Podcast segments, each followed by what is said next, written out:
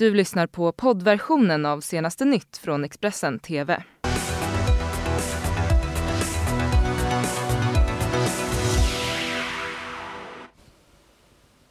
God morgon, det är torsdag den 5 mars och det här är våra nyheter.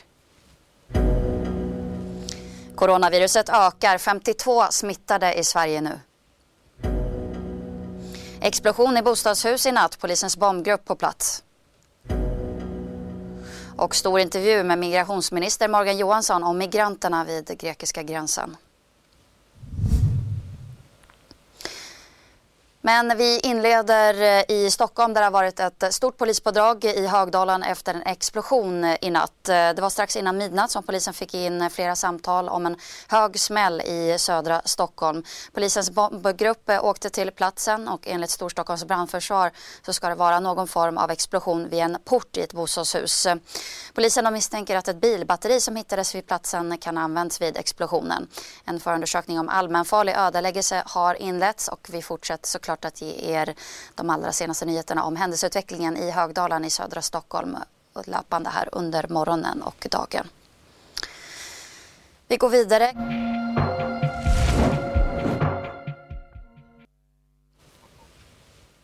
Coronaviruset eh, ökar nu i Sverige. 22 nya fall av det fruktade viruset konstaterades igår. I Värmland så kom rapporter om att det smittade paret där i 50-årsåldern åkte buss med fyra familjer med barn i fyra olika skolor enligt TV4 Nyheterna. Och i Stockholm så bekräftades 16 nya fall igår vilket gör att totalt 31 personer i landet har smittats. Och totalt sett då så innebär det här att antalet smittade i Sverige är nu uppe i totalt 52 personer vilket också innebär att ett stort jobb för dem är att ta reda på vilka de smittade har haft eh, kontakt med. Vi ska höra eh, överläkaren Björn Olsen här. Ja, det innebär egentligen att de som ska smittspåra har fått mer att göra, eh, helt enkelt. Och det, helt enkelt att spåra de som de här personerna har varit i kontakt med under den tid de har varit sjuka. Eh, och sen kan man säga en annan sak, det stämmer ganska bra med Sportlovet tog ju nyligen slut och inkubationstiden, det stämmer väldigt bra överens med inkubationstiden på ungefär 5-6 dagar. Så att eh, de har ju fått sin smitta i Italien, de insjuknar nu när de har kommit hem. Mm. Det låter som att du inte är så förvånad över det här beskedet då, som kommer från Stockholms region idag. Nej, nej, det här har jag räknat med hela tiden. Absolut. Det, det kommer fortsätta så här ett tag. Eh, det kommer det göra. Det kommer gå lite upp och ner, vissa dagar mer, vissa dagar mindre. Men eh, den stora faran är om vi plötsligt börjar få fall där vi inte kan spåra smittan, där vi inte har någon aning om var de har blivit smittade någonstans, utan de bara dyker upp. Då har vi ett helt annat läge. Och flera personer kommer nu att eh, testas för coronaviruset. Eh, statsepidemiologen Anders Tegnell berättade, berättar här mer om vad det egentligen innebär. Ja, det innebär att vi behöver ytterligare ett, en slags försäkring om att den strategin vi jobbar med verkligen fungerar så bra som den ser ut att göra. Eh, nu säger vi att alla som har varit i riskområden, när de kommer hem så ska de kontrollera ordentligt att de inte har symptom på morgonen och stanna hemma från jobbet om de känner sig inte helt friska. Och kontakta sjukvården om det utvecklar sig till någonting som kan vara en luftvägsinfektion. Eh, det tycker vi har fungerat väldigt bra hittills. Vi har fångat många personer, vi har brutit smittkedjor tillsammans med smittskydden och regionerna på ett väldigt bra sätt. Men det här är ett sätt att liksom få lite kvitto för att det här verkligen fungerar. Nu testar vi andra grupper av människor i samhället som inte varit ute och rest eh, för att se att det verkligen inte finns något virus i de grupperna. Skulle det finnas där då får vi fundera på våra strategier. Hittar vi ingenting där så är det ett bra kvitto på att det vi nu gör fungerar bra. Och det här är en ganska enkel eh, resurseffektiv åtgärd för att få lite kvitto på det.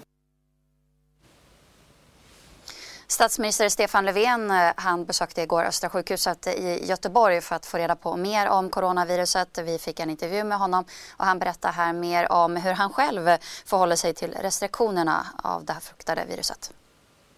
Jag eh, lyder naturligtvis eh, myndigheternas råd till att börja med och eh, jag kan resa hit. Det är ingen som har avrått mig från att resa hit eh, så vi, vi ska vara eh, på vår vakt och vara eh, noggranna med det och just lyda det som myndigheterna säger och, och tycker man då att en viss resa inte ska göras så ska man lyssna på det.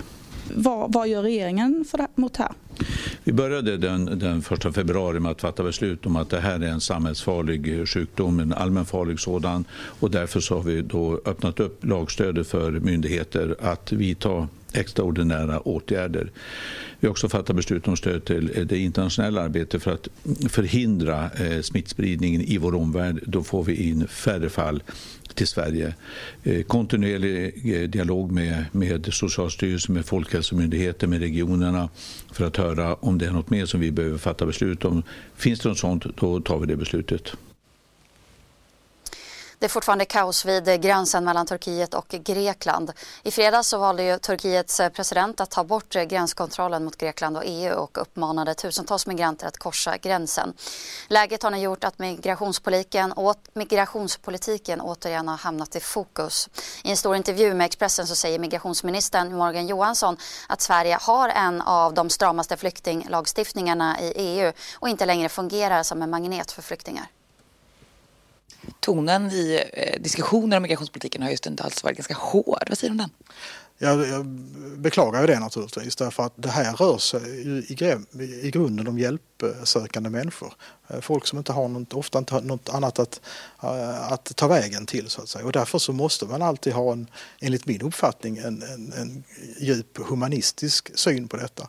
Det innebär inte att Sverige kan ta emot alla asylsökande eller alla som behöver hjälp.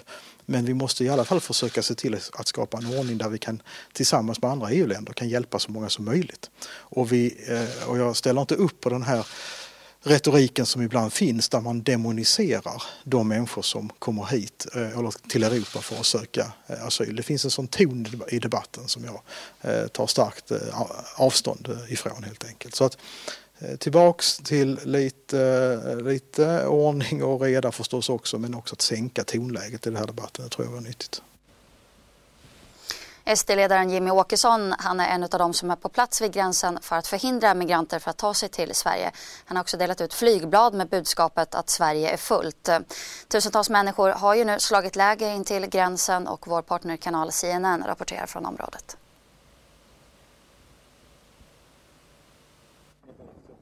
We're not allowed past this police barricade, but about a mile down this road, that's where thousands of refugees and migrants uh, have gathered over the past few days. They're squeezed against that uh, closed Greek border. Now, a short time ago, we did see some ambulances going in and out. We've heard from the Turkish government saying that several people were uh, injured and killed in an incident today where they accused Greek uh, border forces of opening fire on the refugees and migrants, accusing them of using live ammunition. Now, the Greek side, the Greek government has uh, denied it. They say they categorically deny this and they call it fabricated and fake uh, news. Uh, but we didn't only hear this from the Turkish government. We've spoken to a number of eyewitnesses, uh, refugees inside, an Afghan refugee and also a Syrian who describe this situation where they say that people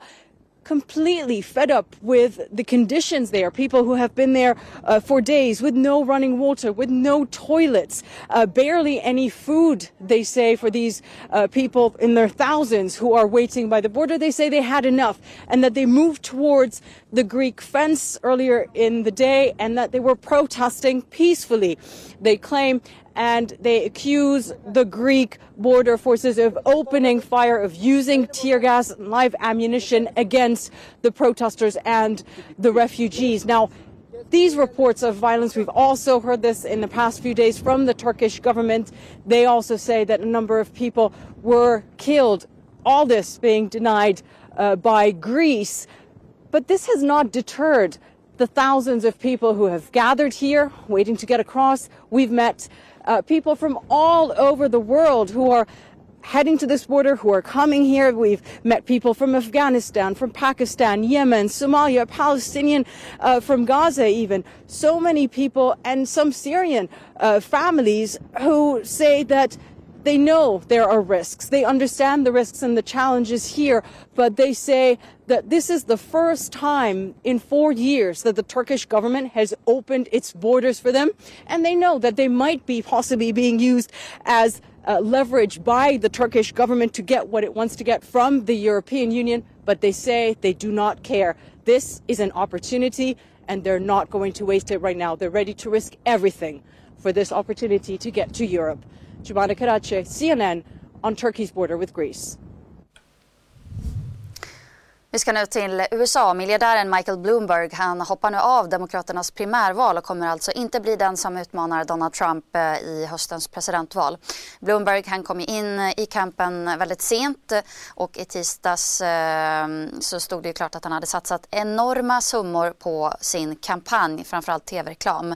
Det ska handla om hela 4 miljarder svenska kronor. Det är mer än någon annan kandidat har satsat någonsin. Men det lönade sig alltså inte och nu talar han sig istället Eh, eller nu uttalar han istället sitt stöd till kandidaten Joe Biden som gjorde supersuccé under Super Tuesday. Ja, det är fortfarande Joe Biden som framstår som den stora vinnaren efter supertisdagen. Det som har hänt eh, nu under onsdagen är att det också har bekräftats att Joe Biden tog sin tionde delstat. Han vann i delstaten Maine och det här var en av de delstater som eh, man hade väntat att Bernie Sanders skulle vinna. Han vann ganska enkelt mot Hillary Clinton där 2016 men den här gången så gick alltså delstaten eh, då till eh, Joe Biden. Ja, och ännu en kandidat har ju nu valt att hoppa av, Michael Bloomberg, efter ett dåligt resultat. Eh, vad har han sagt här nu efter sitt beslut?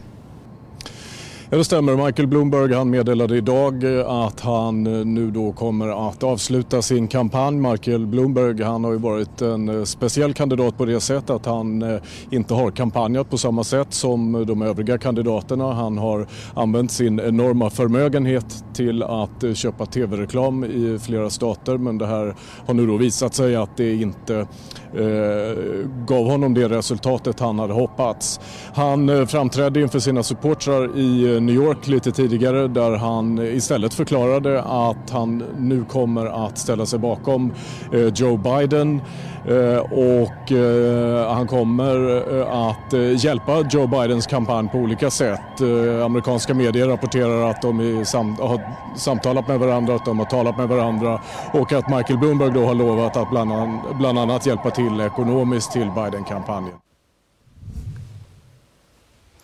Vi avslutar den här sändningen med nöje för på lördag så är det ju final i Melodifestivalen 2020 och eh, artisterna som är favorittippade är ju bland annat Dotter, The Mamas och Anna Bergendahl. Och eh, Anna Bergendahl hon kan ju nu få sin revansch att vinna Melodifestivalen. Enligt henne är det hårt jobb nu men hon är laddad. De här dagarna är så himla roliga, man får träffa så roliga människor. Eh, det blir liksom som en upptrappning där man börjar med torrrep och sen är det kamerarep och sen kommer det publik och sen är det livesändning. Så att man får liksom den här, en bra kurva liksom tills det är dags. Men alltså intensivt låter det också som, eller? Ja, det är det ju. Men jag har laddat upp. Jag har varit ledig, jag har varit ute på landet och eh, alltså det, det är ju hårt jobb. Men jag är, jag är laddad på finalen? Får du något stöd i publiken då? Ja, det får jag. Det blir ju nästan hela familjen, min pojkvän och mina två bästa vänner. Fler nyheter hittar ni såklart alltid på vår sajt. Nu önskar vi en fortsatt fin dag. Du har lyssnat på poddversionen av senaste nytt från Expressen TV. Tillförordnad ansvarig utgivare är Klas Granström poddtips från Podplay.